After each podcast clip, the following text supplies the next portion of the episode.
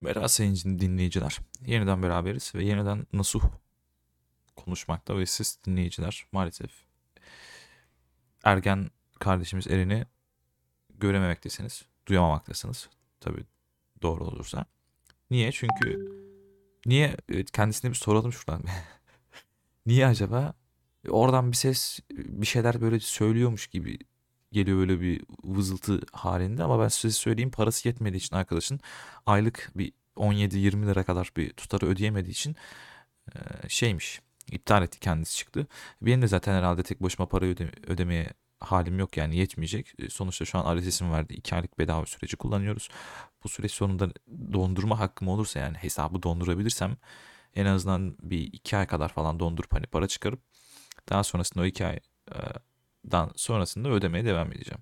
Evet abi bugün e, güzel şeylerin yaşandığı günlerden bir tanesi yine herhalde. En sevdiğimiz, en böyle hoşumuza giden şeylerden bir tanesi. Niye? Çünkü Trabzonspor e, şampiyon olmuş. E, her tarafta Trabzonspor'un şampiyonluk kutlamaları var. Sanırsam bu vesileyle birlikte mermi fiyatlarının fişek fiyatının tanesi 1 lira artmış sanırsam. Çünkü çok fazla atış olduğu için kar etmek istemişler. Yani ve şöyle bir haber okudum bir yerde. Trabzon'un o şampiyon olduğu günün e, gecesine gök yüzü görünmez hale gelmiş. O kadar çok kurşun atmışlar ki yani yıldız mıldız hikayede sipsiyah her taraf. Yani kurşunlar tabii inene kadar sipsiyah. Yani öyle bir şey var hatta incelemişler falan neden oluyor vesaire diye şaşırmışlar hani böyle nasıl bu kadar oluyor. Çok fazla silah attıkları için olmuş. Bu da aklıma şeyi getirdi benim bu 300 Spartalı'da bir tane sahne vardı karanlıkta savaşırız diye hatırlıyor musunuz? Hani bu Persler bir sürü ok çekip e, Spartalıların üstüne fırlatıyorlardı ve gök böyle kararıyordu böyle aydınlıkken kararıyordu böyle o sahne aklınıza geldi mi o sahne işte o sahne. Aynı onun gibi bir şey yani o zaman acaba Perslerin oradan falan neyse ya. Demek ki işte böyle kutlama yapmışlar. Trabzonları buradan tabii ki Tebrik ediyoruz abi sonunda herhalde şampiyon oldular. Ben hiç anlamam futboldan falan. Eren olsaydı şimdi konuşurdu yine ama böyle şey şeklinde konuşurdu. Ya yapardı böyle yani biraz hani bir ergenci ergen olduğu için biraz bu ergence tavırları var. Yani onları da yapacak pek bir şey yok zaten bazı konuşmalarda bunu görmüşsünüzdür. Ee, öyle bir şey var. Öyle bir ne diyelim özelliği falan var. E neyse hemen ondan sonraki şeye bakalım. O da çok güzeldi bu arada. Ve hani şu an hani hep ben bunu hep şimdi normal şartlar altında konuşurken yani normal şartlar altında ne demek işte alemle falan konuşurken arkadaşlarımla falan konuşurken hep şunu diyordum. Şu anki hükümetin şu anki hükümet diyordum. Hükümetin bir temsilcisi diyordum. Fark ediyorsanız diyordum halkın içine inemiyor diyordum. İnemezlerdi zaten çünkü indikleri an halk onlara bir şekilde tep tepkisini gösterecek yani. Şu an tabii anketlere baktığımızda halen de %40 civarında bir AK Parti'ye oy veren kesim var. Lakin bunun haricinde siz eğer sahaya inerseniz oradaki çoğu esnafın işte oradaki yalnız bu esnafların da böyle içine bir parantez açalım. Size ağız salya oy veren esnafın e, şu anda sizi yuhlayacağınızı işte şu an size hatta belki dövmeye çalışacağını bile görebilirsiniz. Yani belki dövmek olmaz tamam hadi belki dövmek olmaz artık. 2022 yani artık herhalde o, o tarz şeyler olmaz da bunun farklı etkilerini yaşarsınız diye hep diyordum hep diyordum. E, geçtiğimiz günlerde yani daha dün dün dün daha dün e, Süleyman Soylu aşağı iniyor. Yani Trabzonspor'un kutlamasına gidiyor ve yuhalanıyor. Yani bu daha başlangıç diyelim. Bu daha başlangıç. Daha nice nice farklı şeyleri göreceğimizi düşünüyorum. Tabii inerlerse, inerlerse. Hiç tabii bunun kafasında şimdi düşünmüş mü? Sürer Soylu'nun yerine koyalım kendimizi. Empati kuralım. Ben bu devletin İçişleri Bakanıyım ve hani şunu düşünmüş müyümdür? Adam Trabzon işte benim güçlü olduğum yerlerden bir tanesi. işte memleketim sayılır. Memleketime hatta memleketi sanırsam. Ee, iniyorum ve yani, yani burada insanlar beni güzel karşılayacak. Eski 2010 işte 2015 senelerinde yaşadığımız gibi herkes benim için böyle tapacak tarzında bir hedef böyle şey var. Bir içgüdüsü var ama iniyor aşağıya yuhalanıyor. Evet ne oldu ne oldu ne oldu. Evet bunu tabi bunu tabi hükümetin şeylerine sormamız gerekiyor.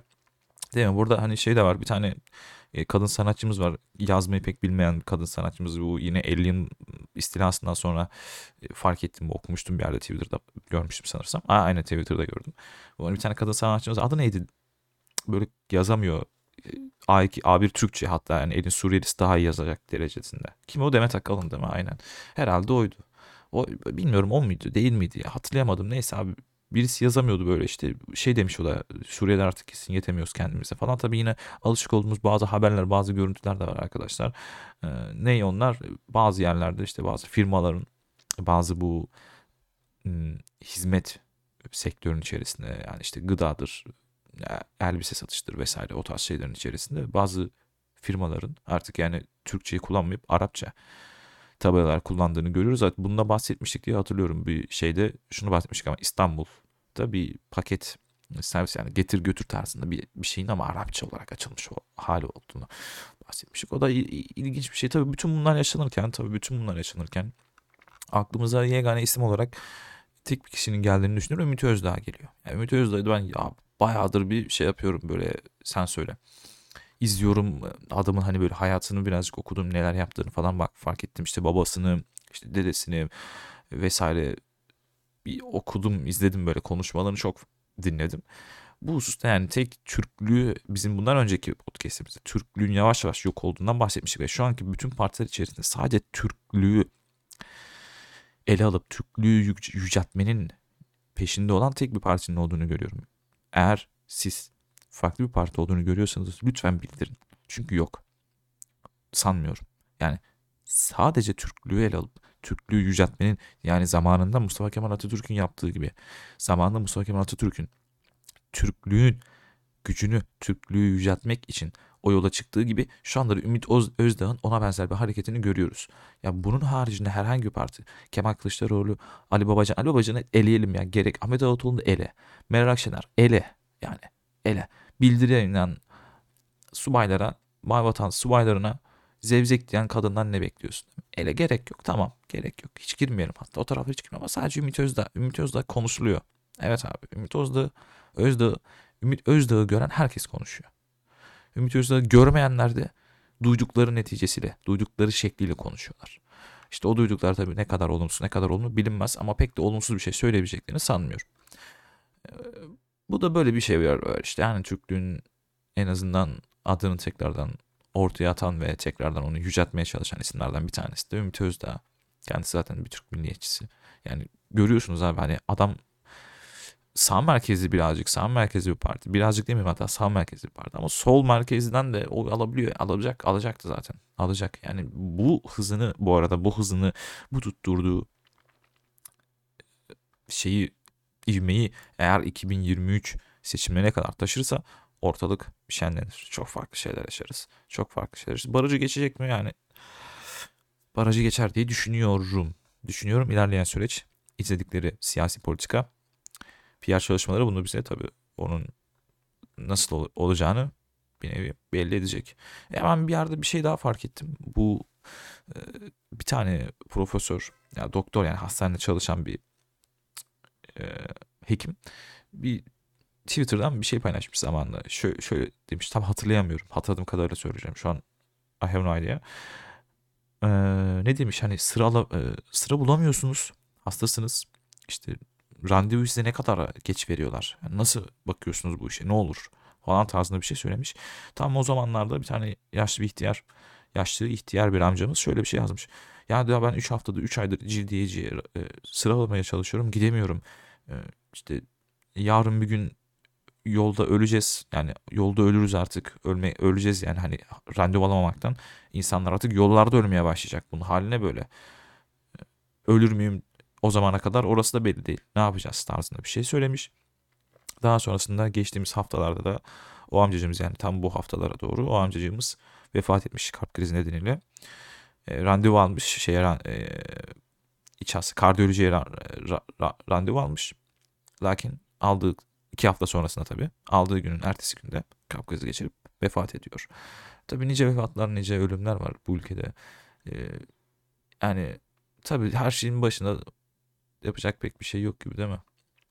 Ne hale getirirler güzelim memleketi diyorsunuz. Evet ama maalesef maalesef elinizi vicdanınıza koyun ve deyin ki bu ülkenin bu hale gelmesinde benim de net sebebim var. Evet hepimizin sebebi var. Senin de sebebin var. AK Parti'ye hiç oy, oy vermeyen bir insanın da sebebi var. Veren de sebebi var.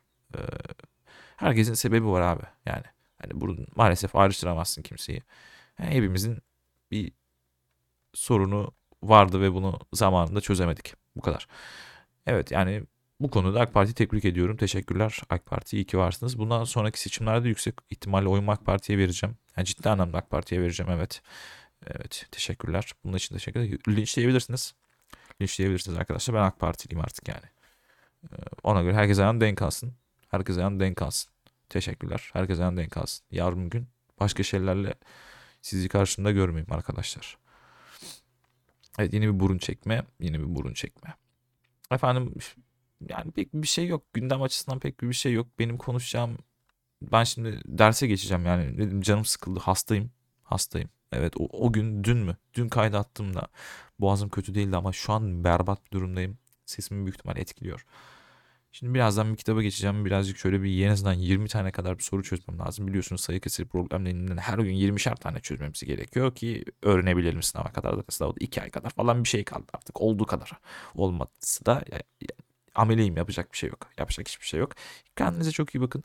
Dinlediğiniz için teşekkür ediyorum. Bu böyle sanki podcast'teydi bu sanki kısa bir gündem konuşması gibi bir şey oldu ama e, yapacak pek bir, bir şey yok. Ha, 1 Mayıs bu arada 1 Mayıs abi çok güzel çok güzel 1 Mayıs.